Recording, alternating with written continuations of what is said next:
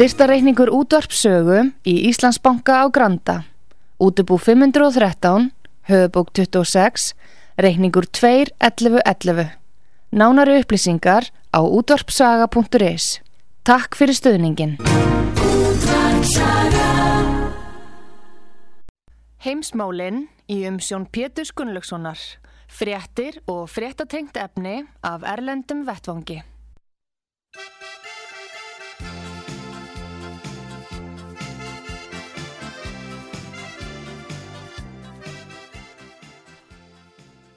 Góðir eh, hlustendur, þið er að hlusta á útvart sögu, ég heiti Pétur Gunnlaugsson og þetta er þátturinn heimsmálinn og ég ætla að ræða við hann eh, Gustaf Skúlason, fréttamann útvart sögu í Svíþjóð Sæl og blessaður Gustaf. Já, kondi marg blessaður Pétur og hlustendur. Nú við ætlum að eh, hérna í lókþáttarins að flytja tónlist sem er tilenguð þessu hugrakka fólki í Úkrænu Já. Og hérna... Þetta er, alg, þetta er mjög fallit lag og ég held að þetta sé bara komið úr, beint úr þjóð, úkransku þjóðarsálinni. Já, já, það er gott.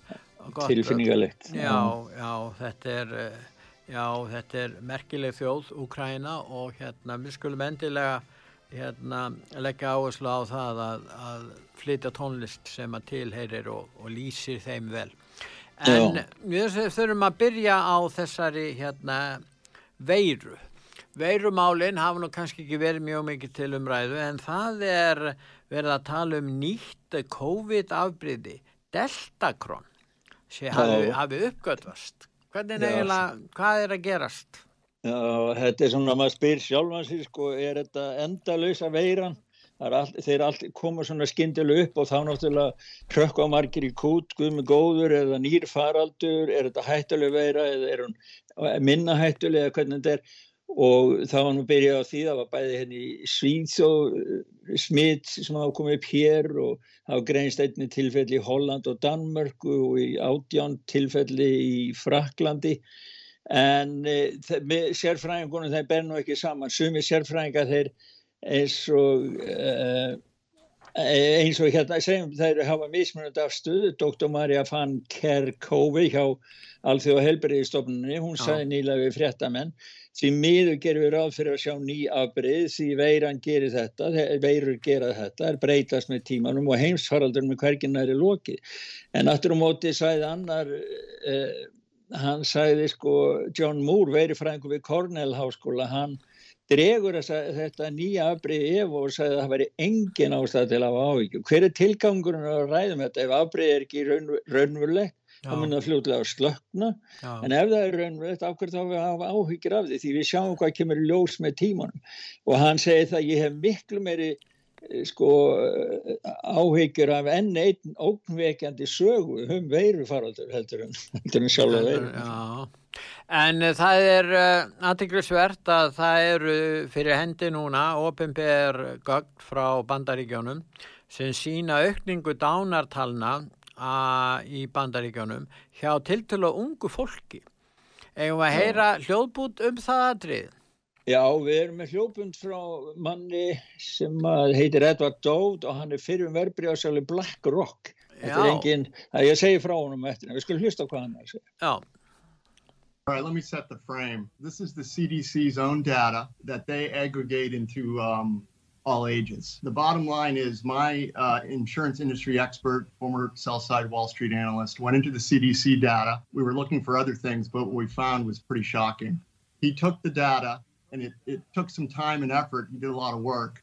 He broke it down by age and he created baselines for each age group to come up with excess mortality. And the money chart is really chart four which shows that the millennial age group 25 to 44 experienced an 84% increase in excess mortality into the fall. It's the um, worst ever excess mortality, I think, in the history.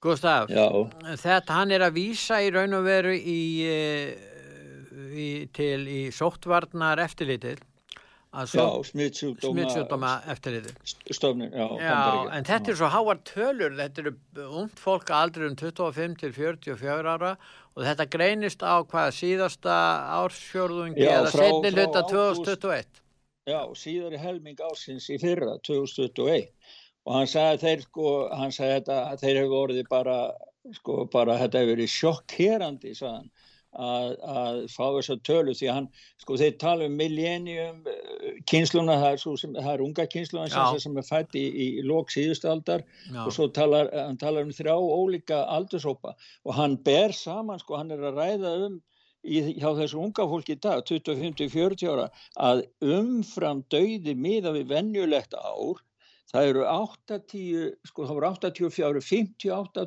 nei það voru 60 þúsund manns, það var yfir 61.000 manns held ég að hann, hann, þegar það komið stað. Og hann berða saman við Saigon stríði þar sem, sem að e, hefðu fallið þar sem að fjallu 58.000 manns. Já.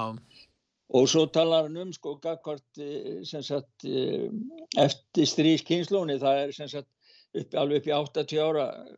Og það, þar sagði hann að það væri bara þá getur maður rætt um heila heimstyrjöld sko. Ég sá að Steve Bannon sem er nú tengist uh, Donald Trump uh, og því fólki. Hann er að fjalla um þetta. Hver eru menn með tilgátur um eða skýringa tilgátur um hvað er, er á ferðinni þannig Já, sko hann segir það hann, hann þessi maður mm. uh, Edvard hann, hann Já, Edvard Dáð, hann, hann var verbreyfasali eða fór með egna hluta fyrir BlackRock sem er stærsta hlutabreyfa fyrirtæki heims, fjárfæstir í heimi já, já. og hann vinnur, var að vinna með sérfræng tryggingafélagana í bandaríkjum til þess að aðtúa annum mál og, með, og þá rákust þeir á þess, þessa sem að þeir bara upplifa sem bara eins og hann sæði, ég held að þetta séu bara vestu tölur umfram dánatíni held ég í sögunni, segir hann, það sagði hann á þessum lóbúl og það er graf yfir sagt, fjölgununa og hann seg, segir það sko að núna að næstu daga þá mun trygginga, hann vil ekki segja hvað tryggingasérfræðingurinn er vegna þess að það er verið að vinna úr þessu máli. En tryggingasérfræðingurinn ætlar að halda fund með fjárfestum núna mjög fljótlega. Og þá verður þetta gert ofinbert og þá fóðum við að sjá um þetta í blöðunum. En hann sagði ég myndi sko Eh, ef þú ert á Wall Street og sagt, kaupur og selur hlutabref og þú heldur ennþá að Pfizer og Moderna séu góð kaup þá getur sagt þeim fréttir. Að þið eru að koma kvatir af upplýsingar á leginni sem eru ekki góði fyrir þá sem eiga þessi hlutabref þannig að hann er bara að bóða það að, hluta, að það rinni hlutabrefin þegar sannleikurinn um afleðinga bólefnuna komið ljó sem þeir eru búin að komast á Þannig að skýringatilgáðan er svo að það er hugsanleg orsakasamhengi á milli þessara nýju talna um aukningu dánar dánartíðnina eða talna eh, til til ungsfólks og bólusettinga. Já, þetta er, sko, þetta er sama fellu við tíma. Ef við lítur á vennulegt ár, þá er vennulegt ár ekki COVID, ekki neitt, þá ertum við ákveðna dánartölu mm. og svo er þetta 84% meira og hvað er mönurinn á þessu ári? Það er ju bólefni, því þetta er saman fellu við tíman þegar að bætin var að koma á þingandi bólusetningaskildu í bandaríkjan. En tryggingafélagin muni fylgjast vel með þessu vegna þess að þeir þurfa kannski að hækka ekkjaldi hjá sér út af þessu. Já, þegar það er spurningum um, kröfur og annað. Ég veit að það eru einhverjir í republikanafloknum, það eru einhver þingmenn, ég veit náttúrulega alveg ganski einhver demokrata líka, Já. sem eru að undibúa að það veri stofnað sjóður og ríki verði greið í sjóð til þess að mæta kröfum, vantanlegum kröfum hjá fórnalöfum bóluefnana. Nú það hefur verið slakað á hérna sóttvarnarreglum allstæðir í Evrópu og eins og hér, hér eru engar reglu lengur almennar en mm. í, í, til dæmis á Ítalíu þótt að það hefur verið slakað á reglunum þá verða menn að hafa samt þennan græna passa ef þeir geta, geta að lifa elli og lífi og það er ekki bara fullorðið fólk, heldur líka börnin. Já, þetta er ótrúlega sko, það, það setti myndband inn á heimasíð út af sögum með ungum krökkum, 12 ára og eldri sem að er að bara hrópa hjálp því að þau eru ekki með græna passan og af því að þau eru ekki með græna passan þá geta ekki stunda íþróttir eða fara á íþróttaleikvangi leikvangi með, með, með sínum bestu vinum. Þau geta ekki farið í sund, þau geta ekki spila fókbalta, ég menna þetta er þannig að þau eru, þau eru sko að byggja um hjálp þau, þau bara, þetta er svona hjálp frá þeim. Já, það er alveg svakalegt sko. Já, en ég meina þau, sko, er verið að það er náttúrulega hægt að bólusittja börn ennþá, en ég meina það var nú deilt um það meirins í bandaríkunum þeir gengur hardast fram í að bólusittja börnin, þar voru mjög umdeilt að, að, að bólusittja börn á aldrinu 5 til 11 ára. En, en uh, núna er raun og veru verið að taka frels og réttindin af þessum börnum vegna þess að þau hafi ekki látið bólusittja sig og fengi bólupassa Já, og það sko bólupassin var áður á Ítalið, það var allavega það voru þrjú atriði sko, það er annarkort verið bólusettur Já. eða þú gæst keift og tekið próf og sínt að vera neikvæð eða þú gæst sanna að þú hefði verið veikur og verið frískur, Já. en núna er búið að taka burtu möguleikana að maður geti keift og, og próf og, og sínt að maður sé neikvæð, þannig að maður verður að vera bólusettur eða geta sanna að maður hefði verið, hefði veikst og sé frískur en, og öll börn inn eldri en 12 ára, þau komast ekki að hótelum, fá ekki aðgang á hótelum, almenningssangum, skíaliftum, sundlöfum, söfnum, síningum, menningarstöðum, heilsilöndu, skemmtugur og fleira. Og þetta er ekkit annað en bara, þetta er sama aðferðir eins og Hitler notaði og nazistarni gegn gýðingunum sem að voru, þeir voru sjálfi með eigin nazista heilsu passa þá og gýðinga fengi ekki, vera, fengi ekki þann passa og fengi ekki að ganga þessum stofnunum sem við vorum að segja núna.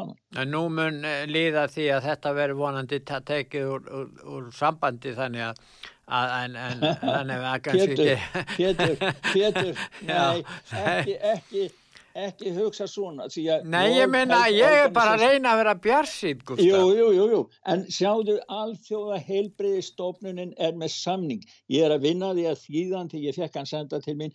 Danmörk er að fara að skrifa á, Íslendinga mun ábyggilega að skrifa á. World Health Organization verður innleiðandi með stafræn skilriki þeir nota COVID, þeir nota þetta til að koma þá út um allan heim út um allan heim. Þetta á að verða, þetta er nýja heimsmódeli við verðum með eitt kóda eitt personal kóda á, á hvern einstakling og það gildir alls það er í heiminu En ekki, ekki þjóðríki gekk eins langt eins og Östuríki sem að innleiti skildubólusetningar En nú hafa þær frestað þessum skildubólusetningum. Það er að segja að þú borg fórst ekki bólusetningu þá þurftur að greiða já, allt upp, alltaf, hvað, hálfur miljón íslenskar krónur. Já, það var alveg svakalega mikið sko. Það, sekt, sko, altså sekt. Já, og síðan gæti verið fangelsi og þú, þegar þú stóður en eignaverðist það getur ekki borga og við höfum rætt á þau sko, þá er það fangelsi og þá leist fangelsisreikningunum líka ofan á skuldina en, en, en þessi lög sko þau, sko, þau tóku gildi í byrjun februar en lögreglan átt að byrja, skip, átt að byrja skipilagt eftirlit með því að fólk væri raunverulega bólusett frá með morgundeginu Þannig að þeir hafa núna bara viku áður en að lögurinn átt að fara út sem er sett að, að bara að, að spurja alla og, og rökkum passa og annað. Þá hafa þeir fresta þessu. En, Ég, þá segir austuríski ráð þennan Caroline Edstad þegar hún segir að lögin sé ekki hlutvalslega með ástandi. Það sé ekki nægilega mikið smít núna. Þannig að þeir afnemaðu ekki, bara fresta. Já, en uh, það er nú málefni sem við ræðum hér mjög oft hér á útvarpisögu, það er málfrelsið í heiminum. Og því miður þá er uh, metrísarnir og, og svo fjölmiðlarnir að takmarka tjáningafrelsið og við kannski byrjum á því að tala um uh, mynd, uh, heimildamind sem að menn geta séð á vefsíðun okkar út af saga.is og ber heitið Úkræna brennur og þar er það hann Oliver Stone sem margir þekkja Uh, kvikmyndaframleiðandi og, fra, og hérna komið að nýmsum eh, myndum, svona myndum sem fjalla einmitt um mál, pólitísk mál eins og, eins og morðið á Kennedy og, og hérna uppreysn og byltingar ástandi í Mið-Ameríku mið, hérna, Hann, er, hann hefur verið svona með skýrar eða verið með ákveðin svona pólitísk við þó líka hann Oliver Stone, það verið að segjast eins og er. En þessi mynd, hún er í raun og veru lýsir, er svona yfirleitt yfir sögu Úkrænum. Hva, hvað finnst þér um heimildamind? Já, nei, já, ég hef búin að horfa á neinu sinni en það er svo mikið af, af upplýsingum í henni, já. svo margliða og í smáatrum og lýsir öllu, öllu litrófinu, mm. þannig að ég ætla að horfa á hann aftur. En ég, miðaði allt efni sem ég hef, þá, og ég, mér, sko, fyrir fólk að lesa langar, þykka bækur, þá er miklu auðvöldar að finnst mér að taka upplýsingarnar úr þessa mynd og þetta er besta upplýsingar um, bakgrunns upplýsingar um það sem er að skeja núna, akkurat við erum að lifa núna með stríðin í Úkræn. En Oliver Stone hefur líka, er með viðtöl við stjórnmálamenn frá þessum tíma, frá 2004 og 2014 þegar þetta var að byrja. Og, og þannig hann ræðir við þá og ræðir meðal hans við yfirmann öryggis sveitana þarna, hvernig hvað var að gerast þegar við erum að mótmæla uppgangur, rótækra þjóðurninsinn og annað slikt. Þannig að það er mjög aðtæklusvert að hann er ekki bara að reyka söguna og það kemur, það kemur mjög vel út eins og þú bendir á. Heldur er þessi viðtöl við þá sem eru nú voru, voru ráðandi stjórnmálamenn í Úkræna á þeim tíma? Já, og það er alveg, sko, það er alveg tíman að tátt að myndina svo að bönnuð þegar, þegar, núna þegar þetta kemur upp stríð þá banna YouTube myndina en ég held að það sko, komið tilbaka á þá margfald, margfald að komið bara stór auki áhuga almennings á myndinni sem er bara mjög gott sko. því að hann hérna Igor Lopatónuk sem var Lopatónuk sem var eh, leikstjóri myndarinnar hann eh, bara sett hana út á neti að, og gaf öll réttindi þannig að hver sem er hlaðana niður og fólk getur farið inn á heimasíðu sögur hlaðana niður og það líka hlekkur inn á síðu hjá Lópatónu, leikstöra. En þetta, þetta er sko, þessi saga, hún sýnir sko að það eru fleiri í myndinni en bara vondi rússar. Það hefur gert svo mikið og það eru alls konar öll í gangi þarna í, í Úkrænu sem eru að vinna verk sem eru alls ekkit í anda líðræðis eða, eða, eða neins líks. Nú, uh, Þú varst að mynda að minnast á það að þessi mynd eh, sem við vorum að tala um, Oliver Stone og þessi heimildamind, að hún er bönnuð á YouTube en það er náttúrulega, hver hefur trúað því fyrir einhverjum árum að það veri hægt að banna Oliver Stone heimildamind frá honum inn á YouTube já, hann, eða í kvikmyndahúsum? Ég meina, hver hefur trúað því? Hann, þetta er, er Óskarsverlin Já, já, hann.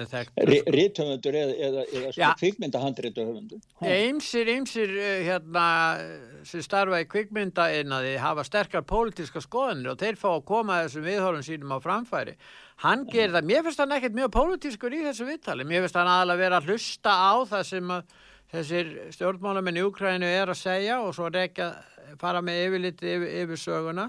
En það er annar aðli sem er náttúrulega hefur nú kynst þessu, hann heitir Donald Trump.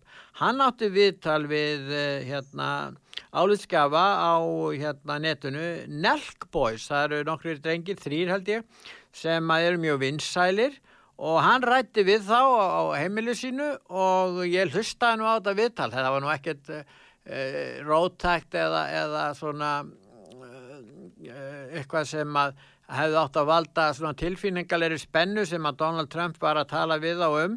Enga síður þá var þetta banna líka á YouTube og hann var einmitt að segja það að Trump að veri, þeir mættu búast við því að þeir ættu erfið að tíma framönda fyrst þeir væri að tala við hann.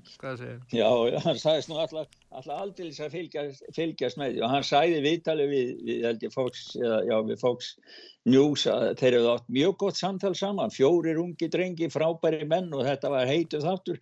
Og það var í gegnum einhvern vinnan sem að heiti Dana White sem að, sem að hann treysti sem að þeir komast af. Og þeir, þeir voru svo hamingju saman að vera hjá honum þarna, komist í svona feitt sko.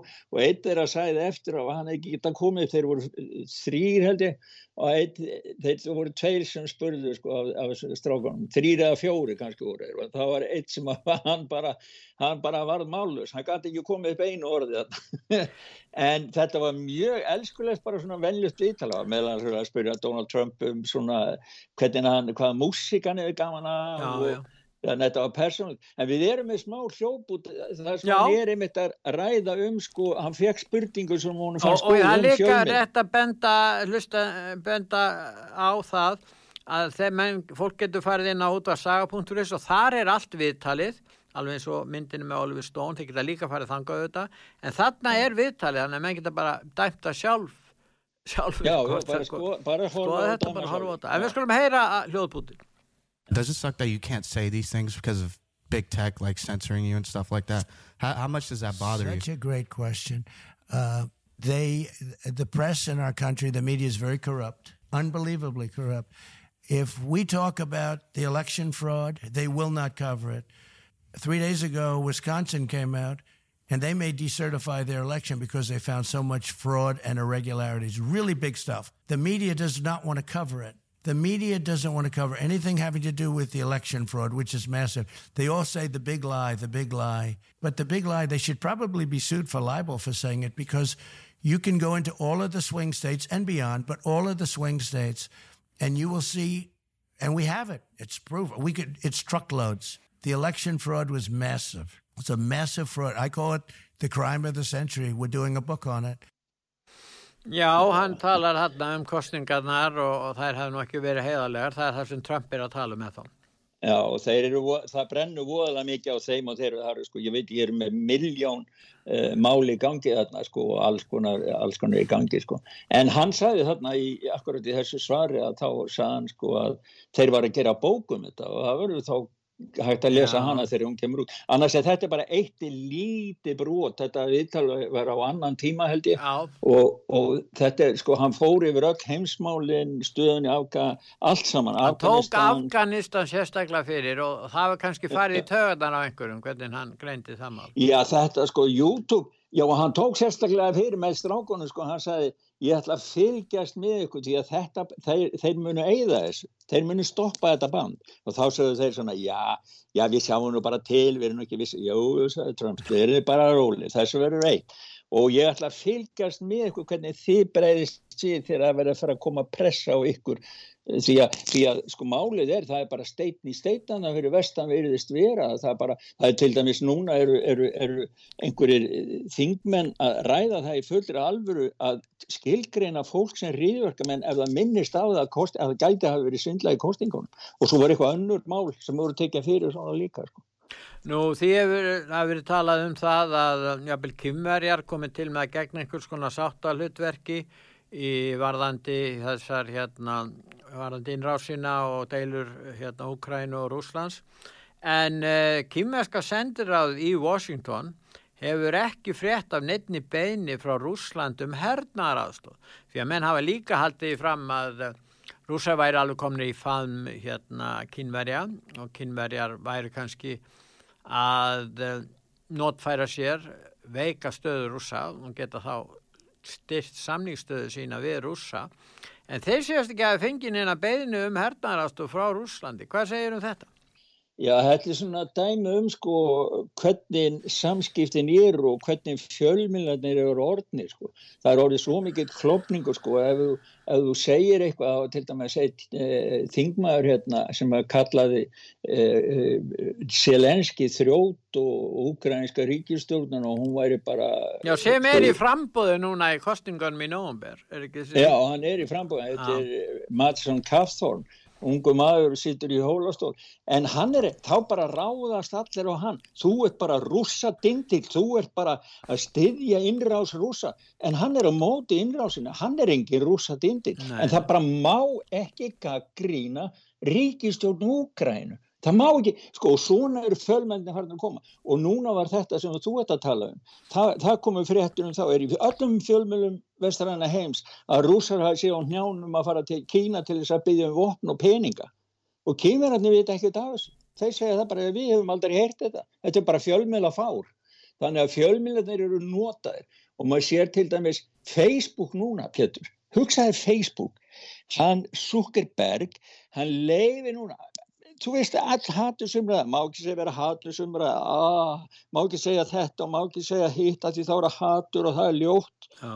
núna opnar hann upp á það það má segja hatur það má, eh, ef þú vilt drepa Pútin þá móttu fara út á Facebook og skrifa, skrifa bara ég vil drepa Pútin Erðu það er nú bandarískur öldungadelda þingmaður hann frá Suðu Karolínu Graham hann nú republikanir endar hann ja. sagði það ætti bara að, að, að taka, taka Putin að lífi. Já, já, hann, hann leggur það til. Leggur og fólki, fólki finnst þetta ekki. Sko ég meina er það svo eigum við að fara í þessa grifi ég var að ræða veitnum þetta málu uh, í vikunni og ég sko hann, hann var svo lokaður. Hann gæt bara hort á bara Putin er vondur, Putin er vondur ég hata Putin sko það, það var ekki hægt að ræða neitt. Hann var svo sko málin, málin eru orðin svo þraund að höfuðið er orðin fast hún í brunni svo bara eitur í brunnubotnunum og það er andlítið á Pútin Já. og þá sko ma maður er komin í bara í spennu treyju gegn Pútin því að maður er ekki fær um að ræða aðra hluti á venjulegan hátt og ég segi bara þörfinir á þetta, þetta plan. Þá eru komin í sama plan og dýrslega plani og nazistandi voru með í setjum heimstyröldin að sjálfsögum á gaggrína Selenski og sjálfsögum á ræða hvað öfleru þar að baki þeirri ríkistjórn og að sjálfsögum á ræða sög, söguna hvernig þetta allt saman hefur verið. Og maður getur verið á móti Putin og maður getur haft fulla samúð með vesalings úkrænum mönnum sem að Putin er að henda sprengjum á og er að flýja frá heimilinu sínum, vinnu og sínum vennulega lífi með börn í fanginu bara til þess að komast lífandi undan þessu. Ég menna, mér finnst þetta að vera, en, en svona er þetta orði, þetta er orðið svona. En, en fjölmennir vilja greina frá því að rússar og kvítrússar fá ekki lengur að hlusta á Pink Floyd, þannig að það er nú kannski stóra málið. Já, það, það, það, mér, mér finnst það bara að vera að dæmi sko, ég menna það að vera að refsa ég menna unglingar í, í, í Rúslandi þurfa þeir ekki einmitt núna hleyra hægt að laga með Pink Floyd? Ég, ég, maður skilur þetta ekki sko. Það, bara, það, það er eins og það er bara eigða rússum, allt sem er með, með rúsnest að gera, það er bara eigða því út úr öllu saman við hefum bara ekki að ræða við þá og þeir eru réttræpið hvað sem þeir eru. En fyrst við erum nú að tala um gaggríni í sambandi við Úkrænu og, og þeir sem að það eru lang, nánast lang flestir eðlilega er að líta svo á að innrás Rúslands er bæði ólögleg og eins og ég tala um siðfellegt neyksli og villimenska en uh, það menn geta gaggrínt ímislegt í Úkræn og það er eitt í sambandi við þessa lífefna rannsóknastofur og nú fórum enn að ræða þetta og meira þess að aðstóðar á þeirra aðstóðar utaríkisráð þeirra bandaríkjana mætti í bandaríska þingið og svaraði spurningum frá Rubio uh, hérna aldugadelta þingmanni republikana frá Florida. Og uh, þar sem að hún svaraði því átandi að þarna væri tilraunastofur. En síðan draga er allt tilbaka og uh, Nú, uh, hérna, það er svona hluti, það er að segja, við fáum aldrei, eða mjög erfitt er að fá staðfesting á því hvað teljast vera áreðanlegar frettir. Já, þetta er alveg, sko, daginn eftir að þá, þá kom Sekk í hérna, blæðafulltrú og Kvításson og sæði, nei, nei, það er engar ansvunarstofið, þetta er bara lega. Akkur, akkur rákuður ekki þá þennan aðstóðaráður þessi aðstóðaráður er ekki bara einhver venjulega manniska hún varð ja. í Úkrænu 2014-13 Hún kom líka í Íraksstríðinu í stjórn Bush þó hún sé núna hjá demokrautum. Málið er það að þessi manniska veit mjög margt og er vel aðsýr í þessu og hún, var, og hún sver, hún verður ef, ef hún menns að teki mjög hart á mennsæri ef þú ætti að ljúa að þinginu. Þú gerur grein fyrir því. Herru, við erum með hljóput með henni. Eða akkurat þetta já, sem er. Ef við ekki að heyra það. Heyrum í henni, já. já. Does Ukraine have chemical or biological weapons? Ukraine has biological research facilities, which, in fact, we are now quite concerned Russian troops, Russian forces may be seeking to uh, gain control of. So we are working with the Ukrainians on how they can prevent any of those research materials from falling into the hands of Russian forces should they approach. I'm sure you're aware that the Russian propaganda groups are already putting out there all kinds of information about how they've uncovered a plot by the Ukrainians to release biological weapons in the country and with NATO's coordination. If there's a biological or chemical weapon incident or, uh, or attack inside of Ukraine, is there any doubt in your mind that 100% it would be the Russians that would be behind it? There is no doubt in my mind, Senator, and it is classic Russian technique to blame on the other guy what they're planning to do themselves.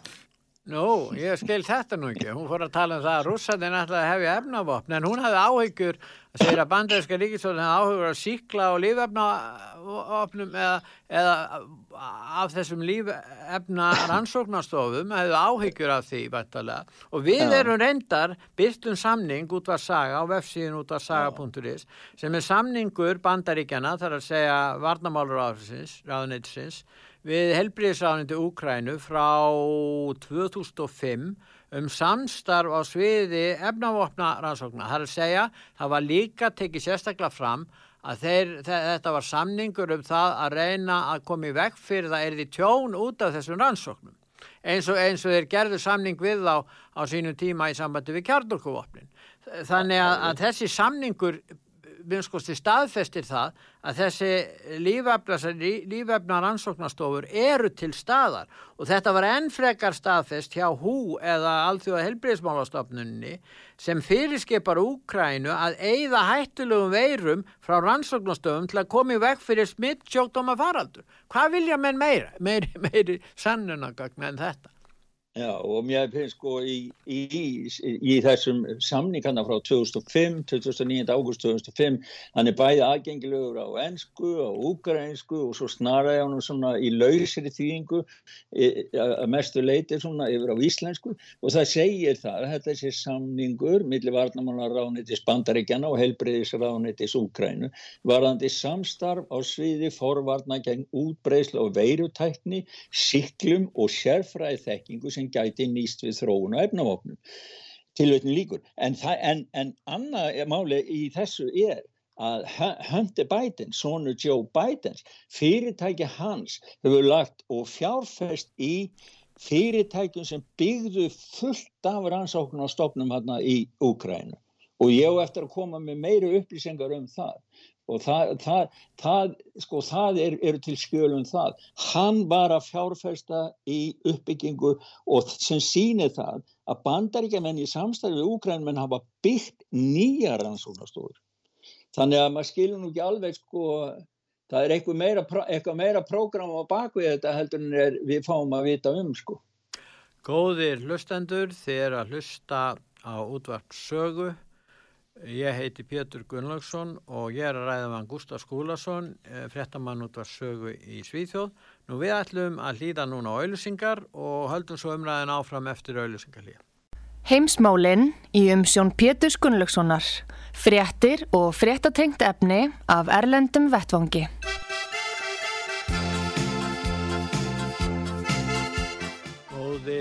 Hlustendur. Þið er að hlusta á útvart sögu. Ég heiti Pétur Gunnlaugsson og ger að ræða meðan Gustaf Skúlason, fréttamann útvart sögu í Svíþjóð. Gustaf, við förum nú að snú okkur að mm. ræða um stríðið í Úkrænu og hvort við séum á leiðinni í þriðju heimstyrjöldina. Og uh, spurningin núna þessi, einhverja byrja á George Soros, hann er með sterkar skoðanir í þessu máli og hann í raun og veru, já, lítur svo á að uh, það veri kannski besta bandaríkin og Európusambandi færu í styrjöldi við rúsa og kynverja til að bjarga síðmenning okkar. En ef að slík styrjöld myndi brótast út þá myndi náttúrulega það eiðilegja ekki bara síðmenningu okkar heldur alla síðmenningu það væri þá, þessu væri það þar með lokið eða? Já, ég var nú að hugsa um það sko, hann var að monta sig af því í einu viðtalinu hvort það var þetta viðtalið eða eitthvað annað, ég manna ekki en, en, en að hann hefði nú verið stattur í, já það var í myndinni á með Ólaug Stóns og hann, hann verið statt, opnað Open Society fyrir byltinguna 2014 sko, þá hefði hann þegar verið komin inn þarna með, með Open og ef að, ef að þessari línu hans verið fyllt sem að er í samræmi við línu ráðgjafa NATO að taka bæði rúsa og, og kymvera í einu. Ekki heimstyrjöld, ekki þá taka á niður öðruvísi eða ekki? Já, hann náttúrulega vil taka á niður öðruvísi en, en, en eh, er það draumórar eða hvað? Ég meina, en ef það fer verður þrýði heimstöldin, þá verður það ábyggilega lokasta samfélagi í öllum alheimi.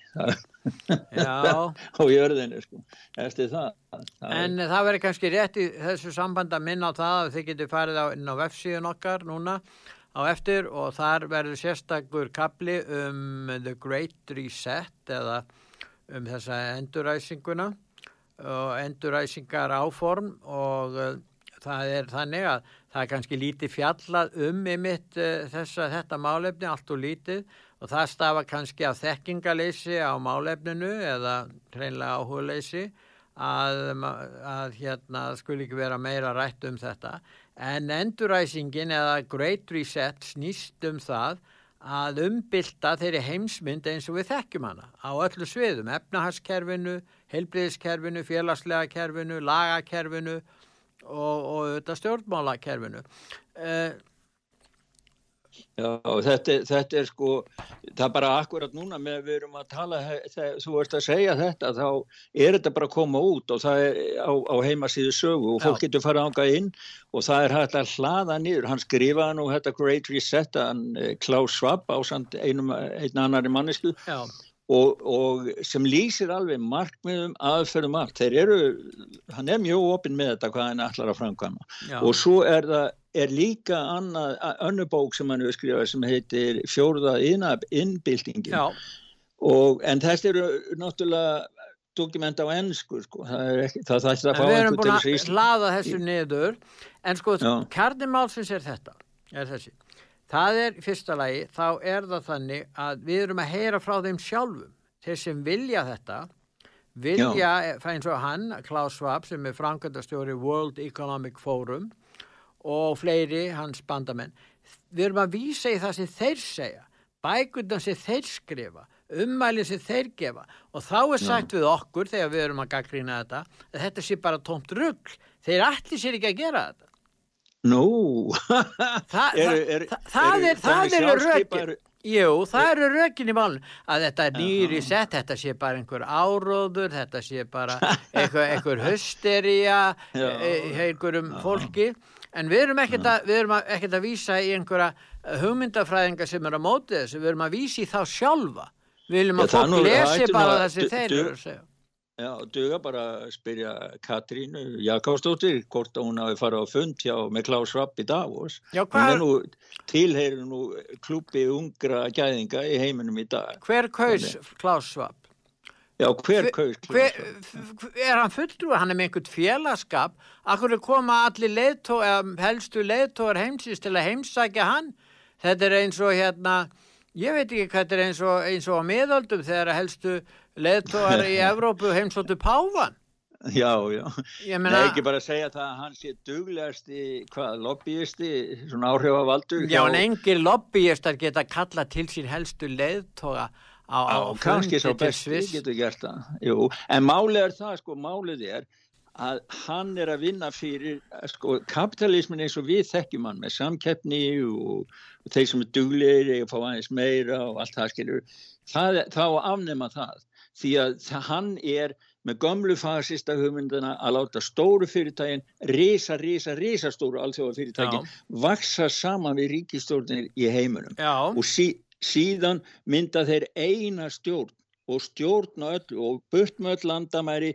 þá bara verður einn heimur einn ein sem ræður og, og e, stjórnmálamenn og kostningar sem við kjósum þetta er bara svona, já, bara til þess að hvað ég segja, ákveða litin á blöðurinn sem við fórum að hafa 17. júni eitthvað svoleið. Sko. Eitt dæmum þetta er það að samningavirðaður 193 landa, það er að segja allra þjóðuríkja í heiminum Já. við alþjóða heilbríðismálastofnununa um ákveði valda framsal þessara landa til alþjóða heilbríðismálastofnununa í tengslu við heimsfaraldra.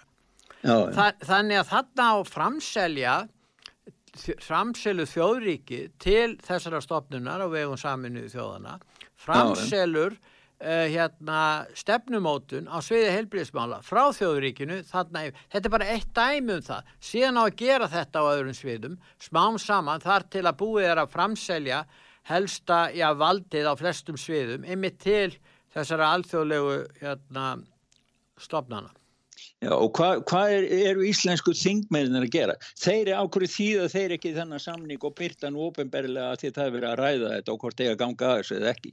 Þetta verður næsti samningu sem kemur á íslensku núna á heimasíð út af sög, því ég menn upp á borðinu hjá mér og er að þýðan. Og þó að þessi ekki fullkomið þýðing, þá geta menn séð hvað er í gangi og þetta er náttúrulega ekkit annað það hefur verið að þjappa saman völdunum örfára á einni hönd örfára manneskja á einni hönd vald til þess að stjórna um heiminum. Og hver veit nema að eins og hann sæði þessi uh, ungi þingmaður í bandaríkanu sem sittur í hjólastól hann segir að, að, að ríkistjórnin í Úgrænu sé og Úgræn, Úgræna þeim megin sé framle sé bara heims veldið samkant the great reset. Hann segir að við erum komin í þann slægin þar, við sjáum það þar, segir hann. Þannig að við erum, það er ekkert bara út af saga sem er að ræða þetta. Og ég meina, geta hver sem er bara sjálfskeipaður og sagt, ég, ég er að tólka og tala fyrir Klaus Schwab. Ef að við erum með heimildirnar og byrtum þar, hvernig er alltaf menna að skauta fram hjá þeim? Þá vilja þeir ekki taka þátt og ræða umræðu eins og vitiborni menn. Nú en Klaus Schwab telur að með COVID heimsfaraldrinum hafi skapast einstakt tækifæri einmitt fyrir alþjóðasinnana að koma þessari hugmyndsinni með því annars með því að, að, hérna, að, að stöla einni staf, stafrætni heimstjórn eftir endurræsinguna eða reset.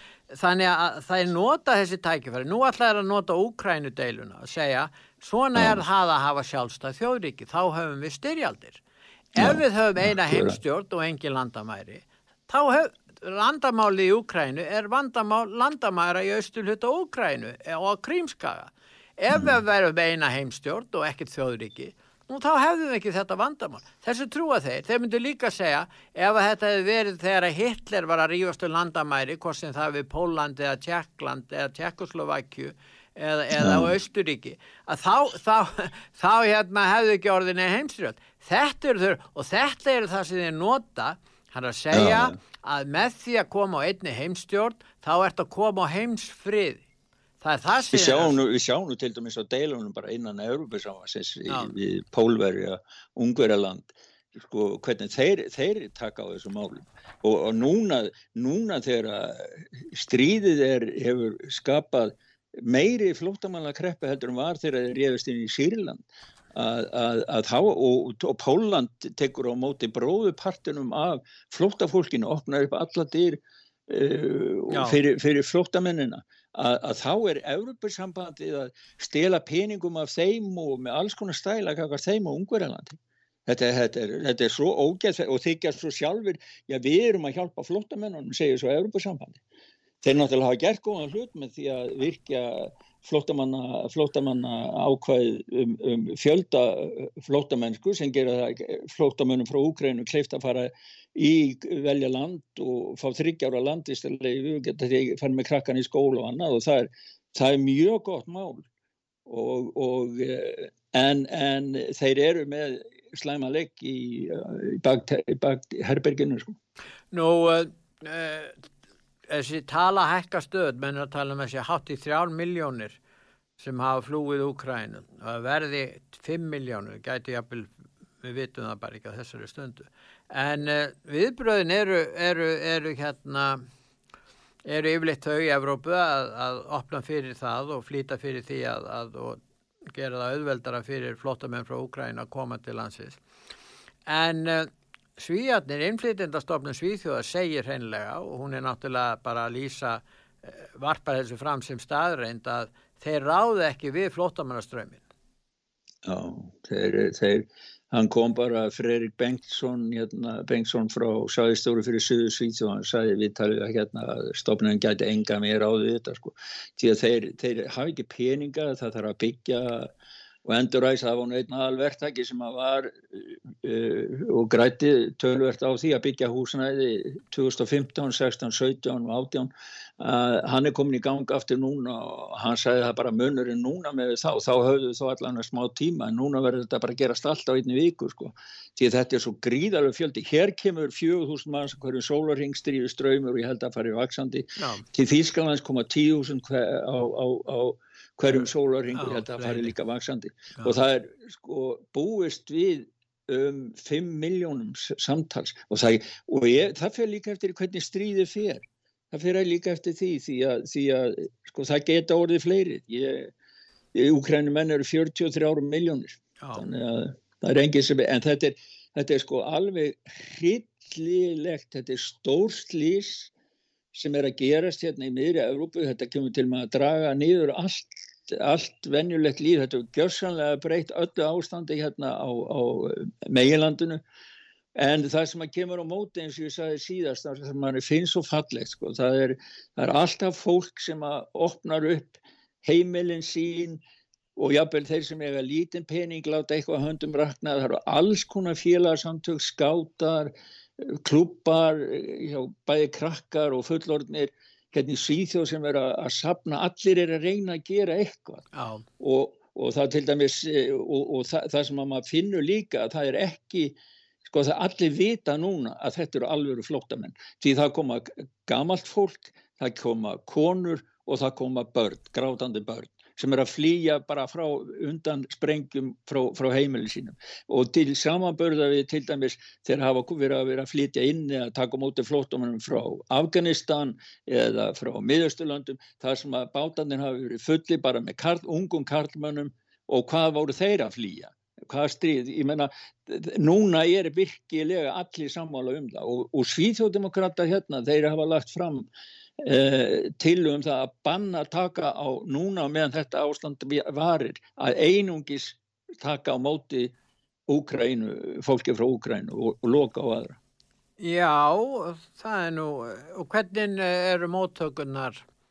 Uh, Já, það er náttúrulega sumum sem að, sko, það er, maður ma lesa það hérna og heyri líka að, að það eru ymsi frá Arabalöndunum sem að finnst þetta að vera alveg hræðilegt að vera mismunast sér af hverja ókrænum en að fá miklu betri en við og allt þetta skiluru en, en, en sko og svo einhverjir einhverjir í pólitíkinni líka vinstra fólk svona eitthvað sem að Er það ekki að segja, er það ekki að tala um bara kynþáttahyggju að Vesturlandabúar vilja taka, taka frekar á móti kvítu og kristnu fólki en, heldur en já. frá fólki frá Afríku eða, eða miðasturlandum en, mm. en, en máli er bara að við erum með stríð og það kannski er líka eitt hlutur af því sem við erum að ræða maður kannski hefur ekki sama tilfinningu fyrir þegar stríðin er í Sýrlandi og það er eitthvað sem er að skeiða þar þá kannski upplifa menna ekki stert en núna er þetta bara, sko það er stittra frá heimilinu mínu niður til miðborgar kænugars já. heldur en til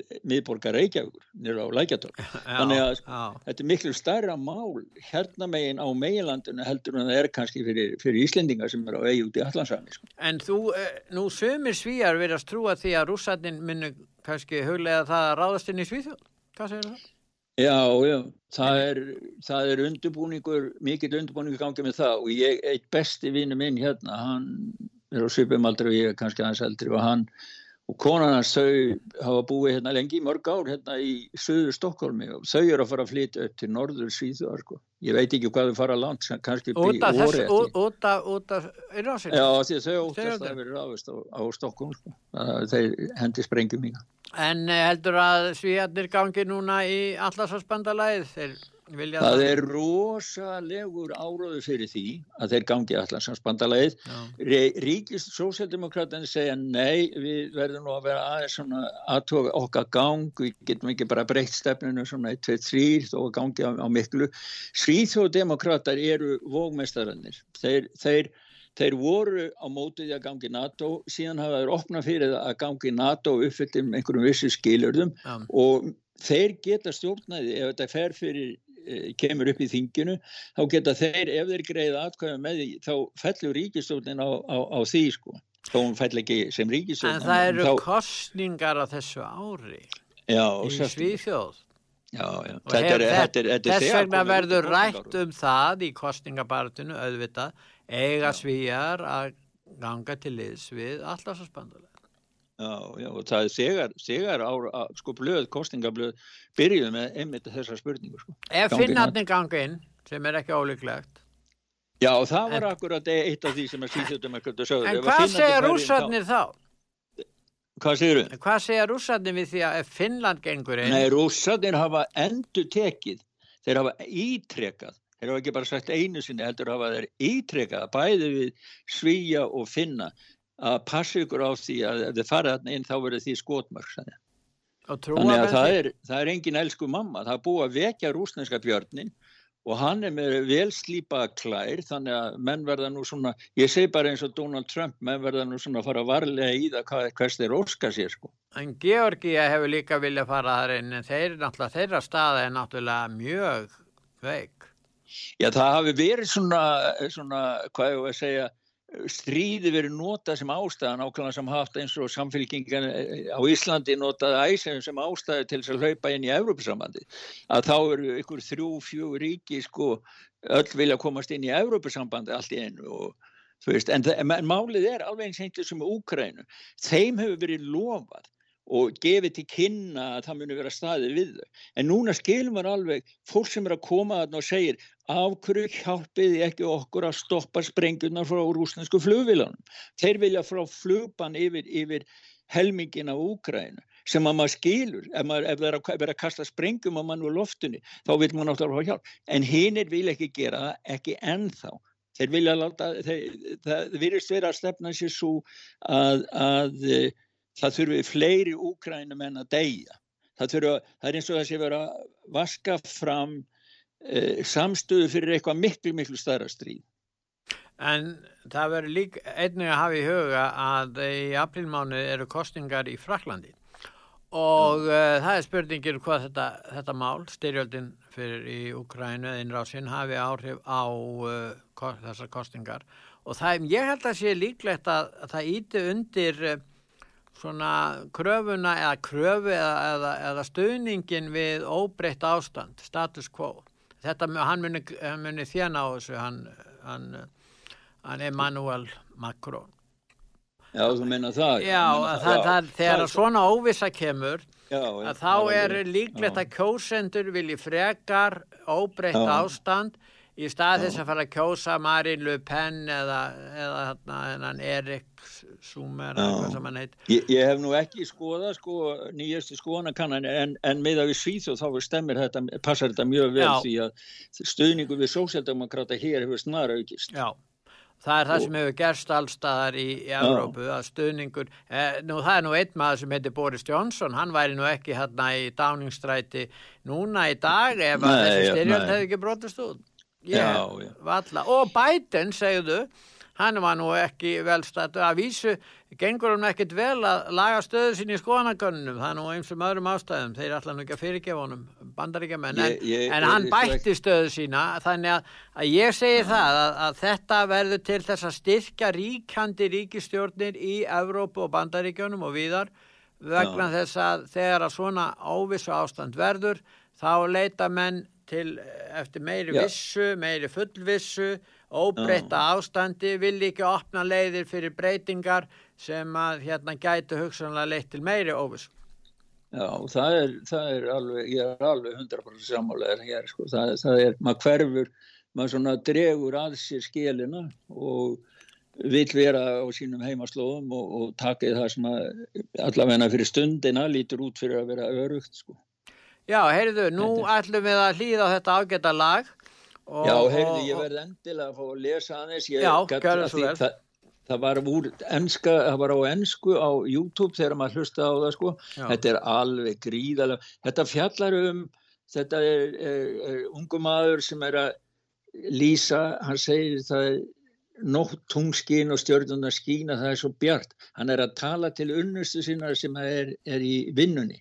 Og kondum í kæra þóttu sér þreytt eftir ámstu dagsins bara eitt augnablík í lundin. Þau greinlega hittast í lundi og ekki vera hrætt litlu tárin verða eins og dögg í grasin ég bara, sko, ég tárast þegar ég hlusta á þetta lag sko. Ég og þú mín sanna ást ég beri brjósti mér og á örmum ber ekki óttast fuggli minn þó þér sé kallt það er heitt, logn og engi skí ég held þér að hjarta mínu sem lýsir eins og login ég held þér að hjarta mínu sem er heitt eins og eldur og svo er áfram aðeins meira lundur eins og ljúur skrítur tónskins geyslum veistu hvort þið dreymir Þú langa mjóa öss með skjálfandi blöðum. Híminin er óendalegur, prítu stjörnum, hann er að guði gerður kraftaverk. Gegsaði perlur, lýsandi trjánum, glitrar fallin dag. Þakka ég fyrir Gustaf, en við skulum hlusta á lægið sem tilengað er öllu hugrökku fólki í Úkrænu.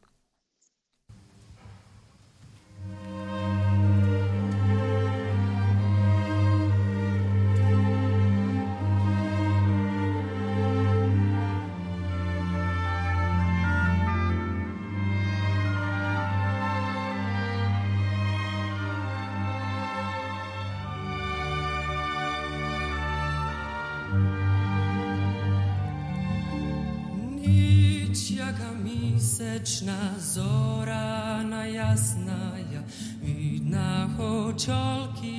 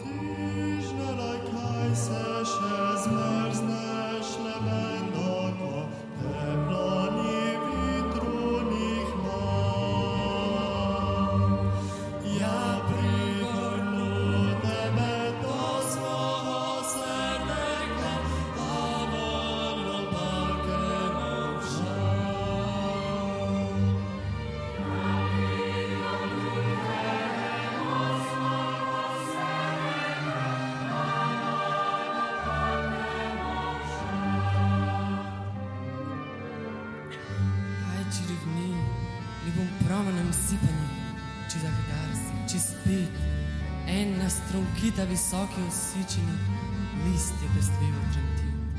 Nebo, globoki, zdaj si je nazorani, šoto za božja krasa, perlami jasni, popit topoljami, rajek, perlista rosa.